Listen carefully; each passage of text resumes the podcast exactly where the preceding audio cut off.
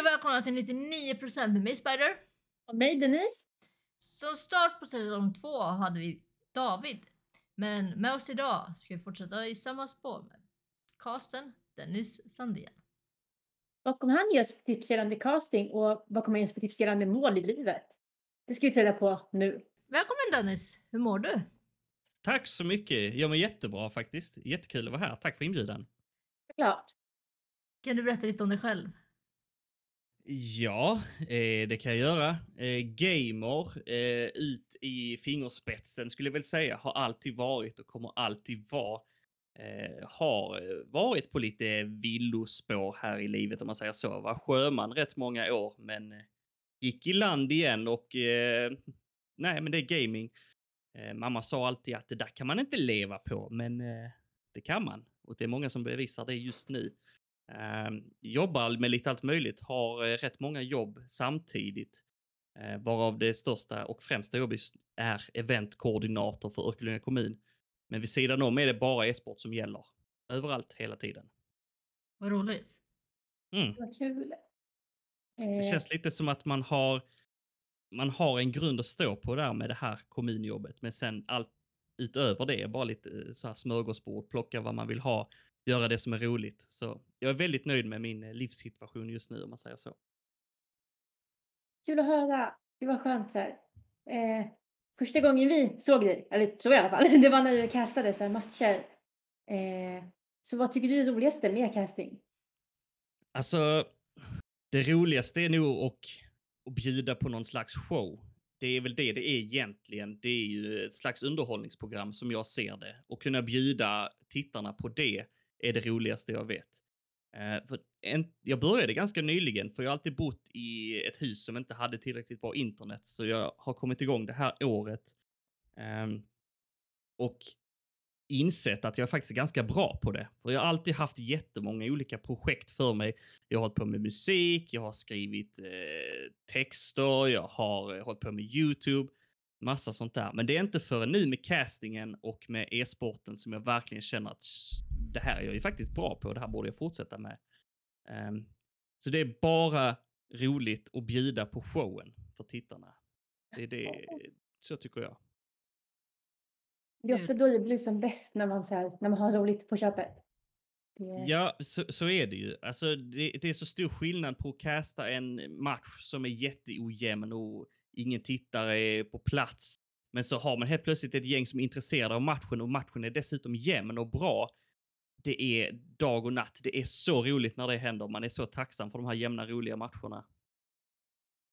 Ja. Jag, jag kan väl säga jag tycker att du är en av Sveriges bästa casters faktiskt. Åh, vad kul att en höra. Av, en av få jag faktiskt kollar på när det gäller ca- casting.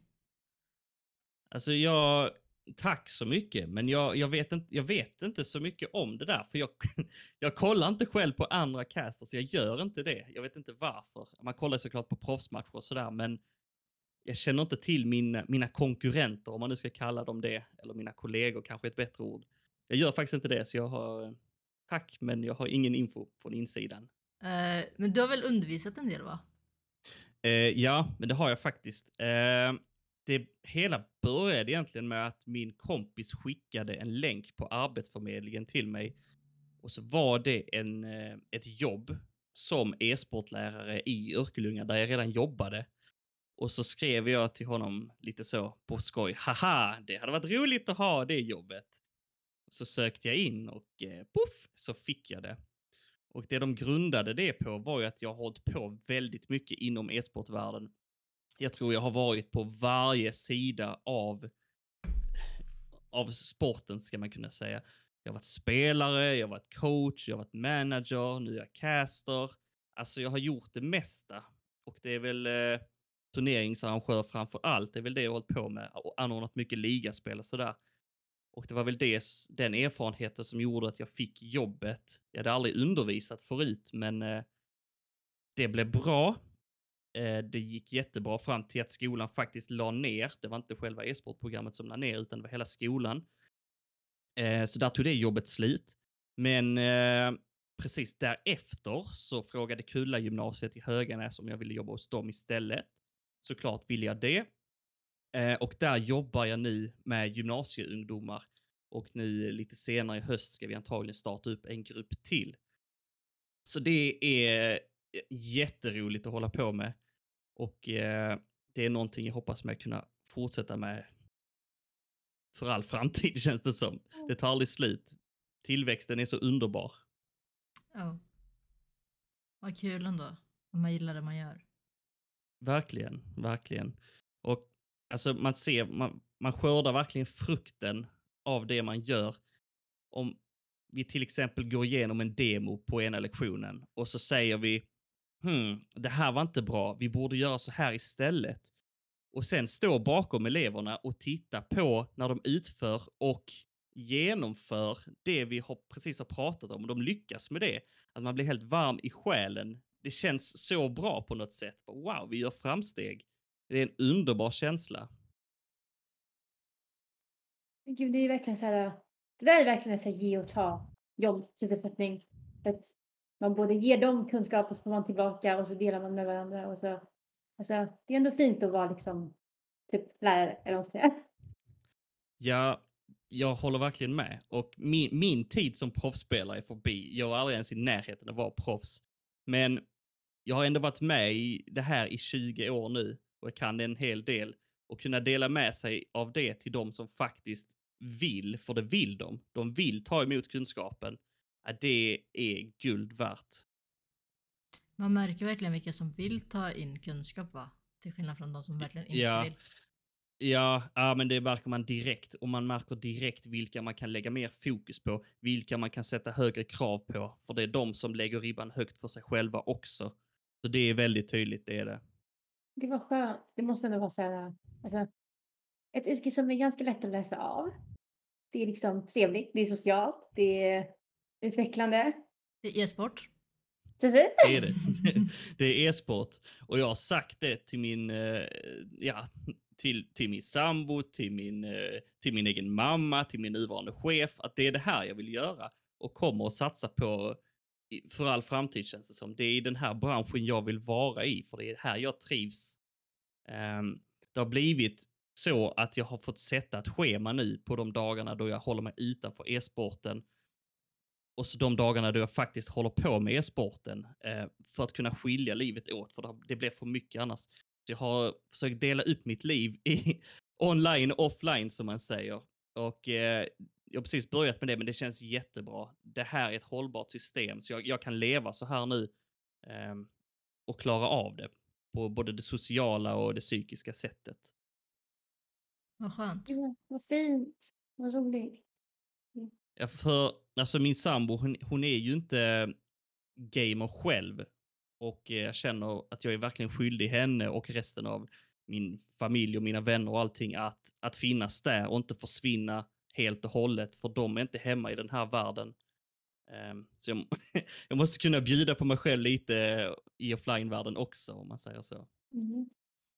Men det låter ändå som att du, så här, det har varit en ganska lång väg dit, alltså att testa olika saker, eh, mycket nya erfarenheter, olika sidor av, vad ska man säga, av karriären, av ämnet.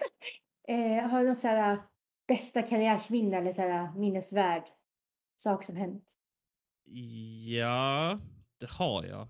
Eh, jag är ju pappa till ett LAN som heter, det hette Gangzone, nu heter det Gamezone. Och det är, det är inget stort LAN, det är cirka 100 deltagare sådär, men att sitta med ett tomt papper, inte ha någonting färdigt överhuvudtaget och sen arbeta på detta projektet i ett par månader. Och sen när det väl är dags, stå överst, titta ner på hundra personer som har riktigt roligt och tänka att ja, men det är jag som har gjort det här. Det är jag som är ansvarig över att alla har e-, en bra upplevelse. Det är också en av de bästa känslorna som finns. Och när jag gjorde det för första gången, det första Gangzone, så kände man verkligen att wow, jag har lyckats med någonting. Det är mitt eh, absolut bästa karriärminne. Häftigt ändå. Att liksom skapa någonting som andra kan glädjas åt. Ja, men det är väl lite det. Jag vet inte varför, men det tilltalar mig på något sätt. Det är nästan samma sak med castingen. Jag själv tycker det är roligt, absolut, men man hade ju inte gjort det om andra inte hade tyckt det var roligt också. eh, det, hela e-sport, alltså för första gången när jag tog steget från spelare till att bli någonting mer. Det var för att vi spelade och eh, vi hade ett lag.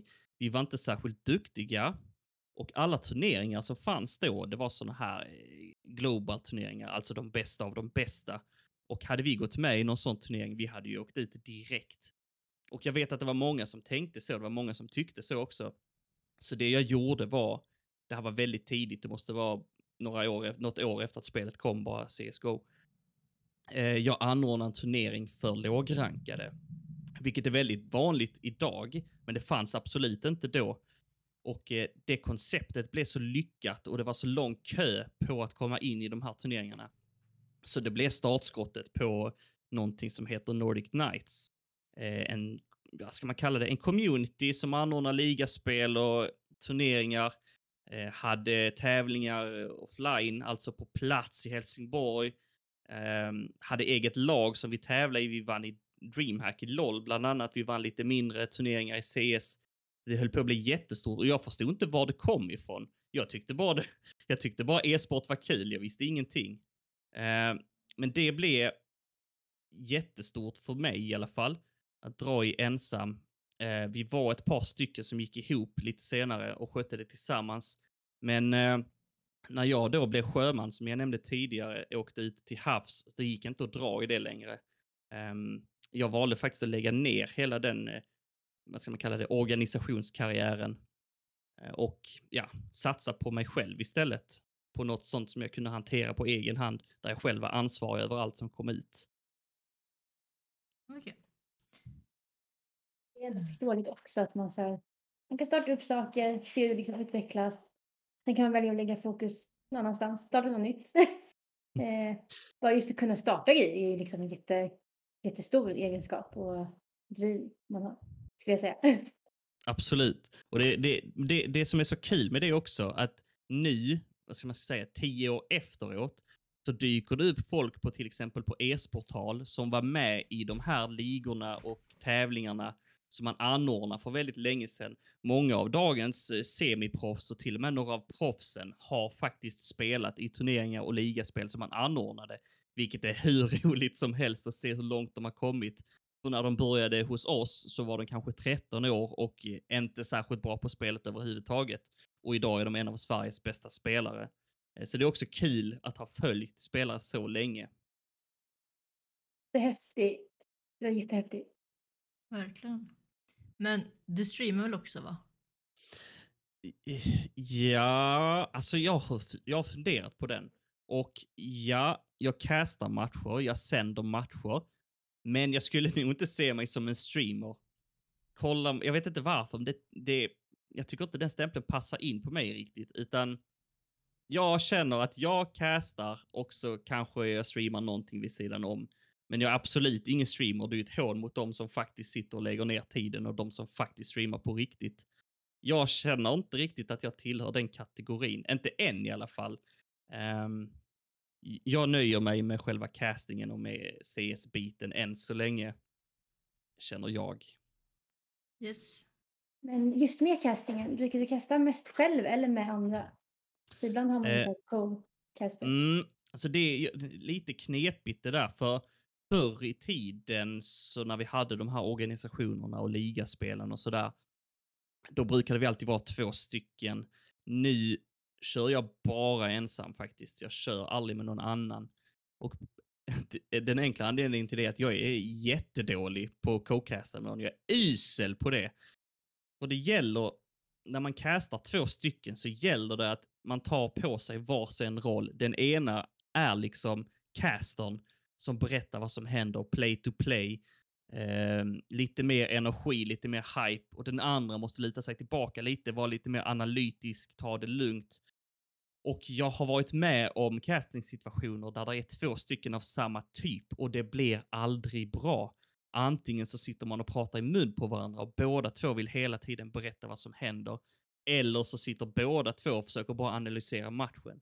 Det gäller att ha vars en och nästan alla casters jag känner, vilket är typ tre, tre stycken, vi är alla på samma sätt så det funkar inte riktigt att co-casta. Jag tycker jag tycker bättre om att ta hand om det helt och hållet själv faktiskt. Eh, där jag själv kan bestämma tempot i castingen, vad vi ska prata om, när det är dags för analyser, hela den biten. Eh, som jag sa tidigare, för att jag helt enkelt är för dålig för att lyckas göra det ihop med någon annan. Jag har inte så bra kemi. Eh, antagligen för att jag inte har hittat någon jag riktigt klaffar med när det gäller co-castingen. Men det kommer kanske, vem vet? Ja. Men eh, det är typ som jag, för att i alla talkshow-avsnitt så avbryter jag allt och alla hela tiden för att jag inte, för att jag inte kan läsa av när de ska prata. Men nej, men jag förstår. Nej, men det, det gäller ju att hitta personlighetstyper som matchar varandra. Um, vi ska ju ha uh, ett, ett LAN nu om någon månad och då är det ju både jag och Martin Malm som ska casta ihop. Och där är vi båda två, som jag sa tidigare, väldigt så här uh, rapcasting. Det ska gå snabbt, det ska vara energi, det ska vara lite teater, om man får säga så. Så det ska bli kul att se hur vi löser den situationen, uh, jag och Martin då. Det ska bli spännande att se. Hoppas det går bra. Men vad, Tack är, så mycket men vad är din mest minnesvärda match du har castat? Um, alltså där är, det ligger ett klipp online. Långt bak på mörka sidan av internet så finns det ett klipp på mig och en som heter Kristoffer Hansen. Och det här är en match som vi castade i ett ligaspel som vi anordnade. Det här måste vara typ sex år sedan kanske. Alltså det här var jättelänge sedan. Det var långt innan jag ens kunde titulera mig caster överhuvudtaget. Det var bara det att vi behövde någon som kunde sända just den matchen, så jag och Kristoffer då gjorde det, för ingen annan kunde. Och jag kommer inte ihåg vad det andra laget hette, men laget som vi syftade på, som vi fokuserade på, hette Totalt Kaos. Och jag ska vara ärlig och säga att de var usla. De var jättedåliga. Och om någon från Totalt Kaos lyssnar på det här så ber jag så hemskt mycket om ursäkt. Men de var så dåliga och de hette Totalt Kaos och jag kommer ihåg den, den matchen, den var så mycket totalt kaos. Så jag, jag vet inte, det flög flashes överallt, alla hoppade, folk brann upp av sina egna molotovs. Det var så dåligt. Och det som fick bägaren att eh, rinna över, det var när de här totalt kaos, de skulle göra en organiserad play. De skulle göra någonting som såg intränat ut. De skulle göra en retake. Och siste man ställer upp sig sist i ledet, tar fram sin flashbang, ska flasha ut hela laget på B-sajten. Han kastar den fel. Den studsar i väggen. Hela laget helt vita. Alla dör av en ensam spelare. Nej. Och, och, och på något sätt så fick det som sagt bägaren att rinna över och både jag och Kristoffer Hansen, vi sitter och börjar gapskratta mitt i sändning av vår match. Och det här, det här, det var ett sånt här skrattanfall som aldrig tar slut. Jag tror vi höll på i 6-7 minuter och bara gapskratta åt de här totalt kaos. Och de ble, det grejen var att de blev jättearga på oss för det här och tyckte det var jätteoprofessionellt. Och det var det ju, även om det var en liten liga och sådär, så var det jätteoproffsigt. Men det var så kul. Och på något sätt är det jättemysigt att lyssna på det klippet efteråt, för vi bara bryter ihop fullständigt och vet inte var vi ska ta vägen. Och så går det ett par minuter, vi lugnar oss och så ska vi börja kommentera vidare på matchen och så händer nästan samma sak igen. Nej. och vi börjar gapskratta en gång till. Nej, det var, det är den roligaste matchen jag någonsin har castat. Eller kanske inte, jo, jo, det är den mest minnesvärda i alla fall, absolut. Det var kul ändå. Jag har i alla fall så här, självinsikt i namnet. Så. Ja, men det var ju det som var så roligt också. Jag tror inte det var så de menade, men det var verkligen totalt kaos. Var man än vände sig på kartan så var det bara Nej. hönsgård. Nej. Åh. Men då ju du kastat ett tag. Eh, Ja, alltså jag, när vi hade vår sån här gamla förening Nordic Knights, våra organisationer, så var det alltid så att var det absolut ingen som kunde göra det så ställde jag upp. Men egentligen så hatade jag det. Jag vet inte varför. Jag tror jag tyckte att jag var ganska dålig på det. Eh, och dessutom hade jag inget internet, så det var alltid sånt projekt att ta sig till en plats med bra internet och koppla upp studio och sådär. Men ja, jag har väl castat första matchen för kanske 6, 7, 8 år sedan. Något sånt. Men det är inte förrän nu det här året som jag faktiskt har kommit igång och gjort det frivilligt. Det börjar egentligen med att eh, Kulla-gymnasiet som jag, som jag jobbar för nu, då frågade om jag kunde sända eh, klassens matcher. Och det kunde jag väl ställa upp på. Och sen när jag sänt två stycken så insåg jag att wow, det här är ju, det här är ju kalaskul ju. Det här går hur bra som helst. Och det här var då i januari, februari någonting. Och nu är det, vad är det nu, augusti. Så det har gått jättebra det här halvåret. Och även om det är kort tid så känner jag, som jag nämnt tidigare, att det här är ju det jag vill göra. Det är det första jag hittat här i livet som jag faktiskt är bra på. Vad sorgligt det lät, men så är det, så är det. Men man är, nog, man är nog bra på mycket men det är vissa saker som står ut som man själv liksom kan erkänna sig bra på. Det, det är Ja, sån, ja. Det ska vara kul och man ska vara bra på det. Där har jag hittat någonting som jag tror passar mig faktiskt. Men vad skulle du ha för tips om, alltså om någon annan skulle vilja testa casting? Uh, alltså, det jag gör nu, det är att jag går in på ECA. ESEA. ESEA är ju en plattform som har sitt eget ligaspel, ett jättebra ligaspel. Nu är lite shoutout till ESEA här. Men det de gör så bra är att man kan gå in, vem som helst kan gå in och gå in och kolla på matcher. Det ligger schema uppe, man kollar var lagen är ifrån, man ser alla spelare, allting. Där kan man gå in, plocka match-IP från vilken match man vill eh, gammal match eller live-match eller vad som helst. Man kan gå in och så kan man gå in och bara kolla på den. Och det är så jag gör. Alltså där kan vem som helst gå in och bara prova. Det finns ingenting som är rätt eller fel när det, när det gäller ECA-biten. Bara gå in och testa och kör. Det är ingenting som stoppar en från det. Ingen, det kostar ingenting, ingenting sånt. Eh, och någonting som jag tycker är viktigt från mitt håll, det är att det måste vara lite showkänsla att vara kommentator betyder inte bara att man sitter och berättar vad som händer. Det måste vara, det måste vara lite energi och känsla bakom det, tycker jag i alla fall. Det är det som gör det roligt att titta på, um, enligt mig. Och det är någonting man kan bli bättre på. För jag kommer ihåg, speciellt i början, men fortfarande en hel del, att efter varje match på kvällen som jag hade castat eller sänt, så i bilen på vägen till jobbet så satt jag faktiskt och lyssnade på det här i efterhand. Och så kan man göra en liten lista. Okej, ett, den här ljudeffekten är inte bra, den måste bort. Två, ljudkvaliteten är för dålig. Tre, de här orden eller fraserna använder jag alldeles för ofta. Och ju mer man gör det, desto kortare blir listan och till slut så är man faktiskt ganska nöjd. Så jag har nästan slutat lyssna på mig själv nu för jag tycker ändå att det är en ganska hög produktionsvärde i sändningarna. Ehm, så det är väl ett bra tips tycker jag. Eh, gå in och testa och eh, tycker du det är kul så är det bara att träna vidare. Jo, nej, men som du säger också att man måste ha lite energi i allting. För att jag tror att om man själv inte lever sig in, varför ska då ens publik göra det? Det är lite Exakt. det hållet. Det är helt rätt. Jag kunde inte sagt det bättre själv.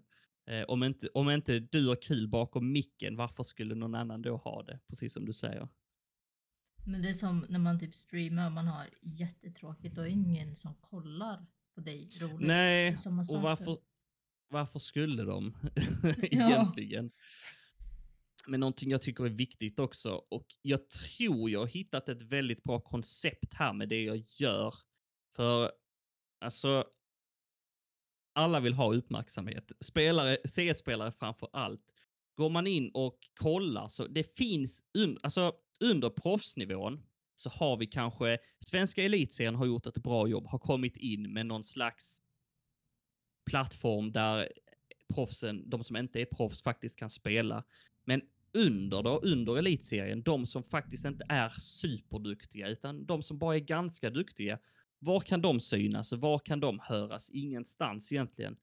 Det är väl lite där jag har hittat min, eh, min punkt, eller vad det heter. Att, att ge dessa spelare lite uppmärksamhet. Eh, visa upp spelarna som inte är proffs, de vill också synas. Visa upp spelarna som inte syns på några andra plattformar. Då kan man gå in på min stream, kolla på sig själv i efterhand, säga till mamma och pappa, säga till sina kompisar, kolla, jag syns för en gångs skull, det är det här jag gör. Så här duktiga är vi. Och det är, det är inte särskilt många som får den chansen i till exempel eh, elitserien eller andra större plattformar. Nej men det är jättebra.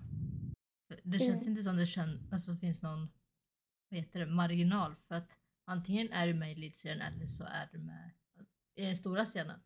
Det känns inte som det har funnits något något mittemellan Nej. så. Och något Nej, precis. Nej, det är just under jag vill ge en chans.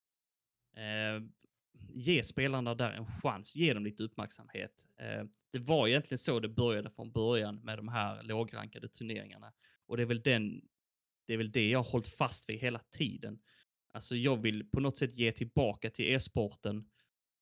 Det känns som att man vill ta hand om de här spa, spel, eh, spelarna, lagen, organisationerna som sitter där ute med sina 20 Twitter-följare. De förtjänar också att synas. Det är så de växer ju. Måste ge dem chansen. Ja. Verkligen. För det är lite så syns det inte så finns det inte i e-sporten. Ex ja, exakt. Och eh, det, det är det som är kul också med, med mina sändningar. Nu är lite narcissistiskt, men, eh, men att vodden sparas för alltid. Alltså folk går in och gör sina egna klipp på sig själva och hela den här biten. Så det är klipp de kommer ha med sig så hittar de kanske dem om fem år och tyckte det var jättekul att de fick synas. Eh, man, jag ser det hela tiden, att folk är jättetacksamma över just den biten. Över att de faktiskt syns överhuvudtaget. Eh, och det har ju kommit till, till den nivå nu på det här halvåret att man i början snällt fick fråga om eh, hej får jag casta er match, det hade varit roligt. Och nu har man kommit till nivån där folk skriver till en hela tiden faktiskt och frågar kan du sända vår match ikväll? Snälla. Alltså det är, på, det, det är typ så. Det, det är jätteroligt att ha blivit på den nivån. Vilket också betyder tror jag på något sätt att det, det här finns knappt. Jag vet att organisationer gillar att sända sina egna matcher. Men det finns nog inte så många andra som faktiskt bara går in och plockar helt okända spelares eh, kommande matcher och, och visar upp dem. Så där är jag nog ganska ensam. Ja, jag, jag tror det med Mm. faktiskt. Men det är en jättefin grej. Jätteviktig också. Ja. Framförallt viktigt tror jag. Visa lite gräsrots-CS från sin bästa sida. Ja. Mm. Men om vi hoppar till att resa. Gillar du resa? Reser du mycket? Eh, jag älskar att resa. Jag har faktiskt rest jorden runt. Jag var borta i tre månader. Men eh, problemet med mig är att jag klarar inte av att vara på samma ställe mer än tre, fyra dagar. Eh, så sådana här till exempel charterresor och sånt där man är borta en vecka. Jag har lite svårt för det. Alltså jag, jag blir uttråkad. Men eh, resan jag gjorde jorden runt, den gjorde jag helt själv. Och eh, det var så här att jag hade ingen resa inplanerad. Jag hade tåg till Amsterdam. ehm, för jag hade ett par kompisar som bodde där. Sen hade jag ingen mer plan. Och när jag varit i Amsterdam i tre dagar så tröttnade jag. Och så köpte jag en tågbiljett till Belgien. Och sen var det samma sak där. Och så vidare genom Europa. Och så helt plötsligt så bara, ja ah, men här ett billigt flyg till Israel. Det tar vi. Och så kom jag in i Israel. Och så den här gränsinspektionen då, de frågar mig, vad ska du göra här? Så sa jag, det vet jag inte. Ja. Och det, det svaret tyckte de inte om i Israel, så då fick jag sitta hos polisen i eh, två timmar medan de utredde vem jag var och vilka terrorkopplingar jag hade. Eh, men till slut kom jag in i landet, eh, blev slussad till ett hotell som de valde. Jag fick inte välja själv heller. Eh, samma sak där. Eh, cyklade en 12 timmars resa genom öknen. Jag cyklade vilse, hamnade i en, vad heter det, en sån här bifarm, massa bikupor överallt mitt ute i öknen. Eh, och, eh, därifrån åkte jag sen till Thailand, till min farbror, bodde där några dagar. Eh, men problemet var att jag fick inte lämna Thailand, eller vänta, hur var det? Jag fick inte komma in i Thailand förrän jag hade en resa ut från Thailand. Men eftersom jag inte visste var jag skulle någonstans så, så fick jag inte komma in i landet. Så jag köpte den billigaste flygbiljetten jag kunde hitta till Kambodja, tror jag det var, 200 spänn. Och så sa jag, men titta, jag ska till Kambodja! Men det skulle jag ju inte alls, det var ju bara för att komma in. Eh, och därifrån så tänkte jag att jag var sugen på att resa till USA. Så jag landade i Los Angeles på nyårsafton, alltså på samma dag. Och där i gränsinspektionen så, så, frågade de mig, ah, var ska du fira nyår om typ 12 timmar? Nej, jag vet inte, sa jag då. Ingen aning. Men eh, det löste sig det också. Och när jag väl landade i USA så hade jag en månad på mig att ta mig från västkusten. För jag hade ett flyg hem till Stockholm från New York på östkusten 30 dagar senare. Så då fick jag slå ihjäl 30 dagar i USA från väst till öst. Eh, och när jag väl kom till, eh, till Stockholm då, och efter tre månaders resa, så, så var det världens värsta snöstorm. Så jag satt fast där uppe i 14 timmar. Och jag, som ni hör, är skåning, bor nere i Skåne. Så man var i Sverige, men man var fortfarande så långt bort hemifrån, åtta timmar med tåg. Så, så nära, men ändå så långt borta. Men till slut tog jag mig hem. Yes. Vad häftigt ändå. Det var en väldigt, väldigt, väldigt komprimerad eh, historia om den resan. Men det är coolt att det ändå är så lätt att ta sig runt liksom. Och bara Mm. dra ja. Ja, det, det, det enkla, eller det bästa med den delen var väl egentligen att jag var själv. Jag behövde aldrig fråga någon vad de tyckte eller eh, var vi skulle, utan det var bara att dra egentligen. Jag kommer ihåg jag träffade en dansk, eh, ja vad var det, i, i Ungern tror jag. Och det, var väl, det var väl kul i en dag eller två, sen blev jag trött på, på honom. Så, så jag lämnade honom på morgonen utan att säga någonting. Eh, och det var lite så, ja ja, skitsamma. Eh, det jobbiga var att jag träffade samma dansk i Thailand två veckor senare. Oh. Ja, jag tror att det, när man ska göra sådana resor, res själv för att då är det ingen som kan säga och tycka massa saker. Nej, det var, det var just det. Och så, och så, jag är ju väldigt introvert, tror det eller ej. Jag fixar inte att prata med människor. Jag är så dålig på det. Jag behöver att någon kommer fram till mig. Kommer någon fram till mig och säger hej så är jag världens trevligaste människa. Men innan dess är jag så mesig och sur. Men jag valde att resa själv för jag ville tvinga ut mig till andra människor. Jag kan, för reser man med en kompis, du hänger ju med den kompisen hela resan. Det kommer man ju göra. Nu hade jag ingen, så nu var jag tvungen att socialisera mig med andra människor också. Um, så det var väl något slags försök i att utveckla mig själv som människa, om man ska säga. Men jag är fortfarande lika dålig på det. Ett bra exempel är väl nu på, på DreamHack senast, på eh, den här eh, festen på, på en av pubarna.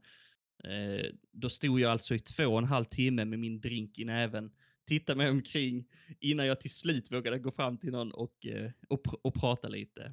Står Ja. där som ett, som ett fån. Ett, typiskt mig, typiskt mig. Ja, men det, det är nog inte du ensam, om- ensam om alla Nej, jag, jag tror inte det heller. Men man borde ju bara tänka vad är det värsta som kan hända. Men eh, jag vet inte. Det är så lätt att säga nu men så svårt när man väl sitter i, i situationen. Fast Det är lite i alla så här so- sociala heter det, sammanhang att vad är värsta som kan hända? Det värsta som kan hända är att någon ogillar dig. Ja, och eh, då, då, nu säger jag ju det med stort självförtroende. Ja, men då får de göra det. Vad spelar det för roll? Men där och då är Ja. det så svårt. Jag vet inte. Jag förstår inte varför. Jag förstår det inte. Men så funkar min hjärna i alla fall. Och sen får man panik för man bara stått där ensam. Ja. Eh, ja. Men hjärnan är väl så. Jag tror att den tänker i så här lite obekväma situationer att den ska göra det som är tryggast för en själv och då blir det att liksom stänga in sig även om det som kanske gör en tryggast i längden är att utmana sig själv. Men man tar alltid det närmaste. Ja, men det, jag tror det är därför den här plattformen funkar så bra för mig. Att sitta här bakom kameran ensam och läsa vad folk skriver funkar hur bra som helst. Men till exempel om jag skulle jobba som eh, telefonförsäljare på något köpcentrum, aldrig, aldrig, aldrig att jag hade klarat det. Ehm, så jag tror att själva Twitch-plattformen är extremt bra anpassad för mig personligen. Det är perfekt. Det är så här, som, precis som med e-sporten, att så här, det kommer mer och mer som är faktiskt för alla. Att det inte bara är elitnivå eller inte bara supersocial utåt. Varför babblar jag så mycket? det är så här, supermycket sånt så att det verkligen finns någonting där alla passar in. Och alla hittar sin grej. Och det är helt okej. Det är helt okej. Ja. Men allmänt då? Eh, om man har någon sån dröm, oavsett om det är Twitch eller om det är casting eller om det är att resa jorden runt eller om det är att bli kock, vad som helst.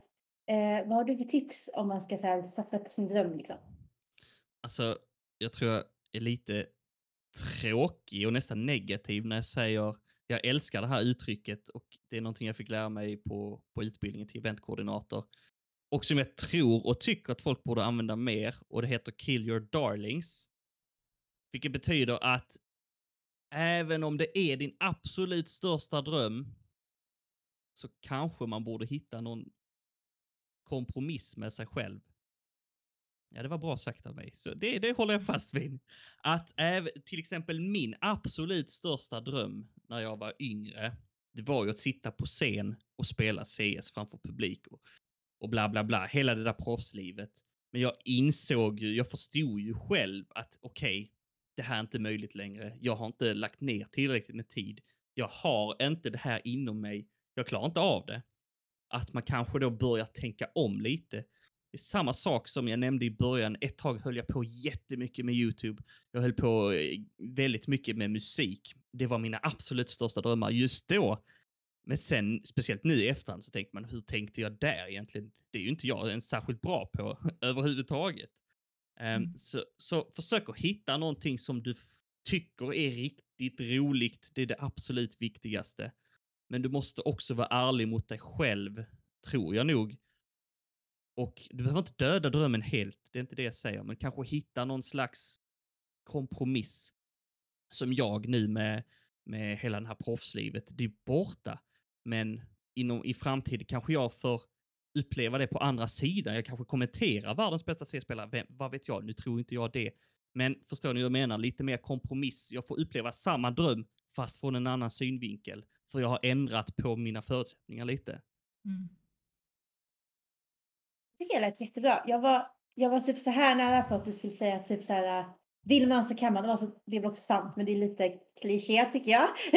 men som du säger också ibland så här så vet man ju inte vad en ström är förrän man är där. Alltså en ström kanske är något man inte alls tänkt på överhuvudtaget. Och så får man en så jättefin känsla kring någonting man upptäcker och då kanske man har nått sin dröm fast det inte var ens ursprungliga dröm. Um... Ja, alltså jag pratade med min sambo om det här också och kom fram till att, nej men vadå, castingen, det är absolut inte min dröm. Det är ju inte det jag har drömt om när jag var liten att göra. Och det är det fortfarande inte. Jag tycker bara det är jättekul. Men jag har insett att min dröm är ju att vara med i e-sportvärlden till 100 procent och att på något sätt jobba med det jag älskar, alltså e-sporten. Det är min dröm egentligen. Och det är dit jag är på väg, hoppas jag. Det hoppas vi också. Och jag tror det. Samtidigt är det viktigt att man inte stänger några dörrar utan att man hela tiden öppnar nya dörrar och kanske har dem på glänt sina gamla drömmar, om man säger så. Ja, ja, det är absolut är det så. Och eh, det är väl lite det jag menar också att eh, döda inte drömmen utan försök att ta, om, om vägen inte ser bra ut på vägen dit. Det går kanske inte. Du har kanske inte tid att lägga 12 timmar om dagen på att bli CS-proffs. Alla har inte det. Så kanske du kan göra någonting annat som gör att du hamnar så nära slutmålet som möjligt ändå. Ja. Så ge inte upp era drömmar. Det är inte det jag säger. Jag tror att den bästa egenskapen för sig själv, alltså främst för sig själv, det är just att försöka vara lite så flexibel. Veta vad man verkligen vill. Mm. Exakt. Och då blir man också, jag tror att om man är det så blir man mindre besviken, man blir mindre stressad. För att man hittar liksom på vägen till sitt stora mål, kanske det är små mål som man ändå når. Och så blir man jätteglad. Jag håller med. fint sagt, fint sagt. Tack. Alltså jag är så flummig känns det. Men jag tänker så, så blir det konstigt. Ja. Men vi har någonting som inte vi faktiskt har sagt till dig. Oj. Vi har fab snabba. Fem snabba? Ja. Okej. Okay. Okej. Okay. Börjar Så, du Denise? Jag är redo. Nu kör vi. Casting versus streaming. Casting. Ah. Hund eller katt? Hund. Ja, mm, det, det, är, det, är lite, det är lite knasigt eftersom jag har två katter men jag har ingen hund. men jag svarar ändå hund på den faktiskt. Nej, du är helt hundra. Du kan... Hundra. Okej. Okay. Popcorn eller chips? Chips. Dator eller tv? Dator. Tårta eller kakor? Alltså, nej. Jag får nu säga pass på den. Jag, eh, ja, nej, sötsaker är inte min grej. Godis, ja. Sötsaker och kakor, nej. Okej. Pass! Avslutar vi med. Vad hade du valt Denise? Tårta eller kakor? Jag tror tårta. Du då? Jag vet inte faktiskt. Jag brukar köpa så här jättestora tårtor. För jag tycker att det ser nice ut. Och sen brukar jag äta dem. Nej. kanske inte. Ah. Ah, tack att du var med Denise. Tack så jättemycket. Ja, jättekul. Tack. Då har haft Dennis här. Kommer bara bli gäster på det den här säsongen. Ja, super nice att han gästade oss. Nej. Till nästa avsnitt har vi någon annan som inte börjar på bokstaven D. Jaha, vem då? Där får du se i nästa avsnitt. Okej då. Men som sagt, det var riktigt kul med Dennis. Det var allt för denna gång. Tack att du kollat och glöm inte följa oss på sociala medier. Hejdå! Tja tja!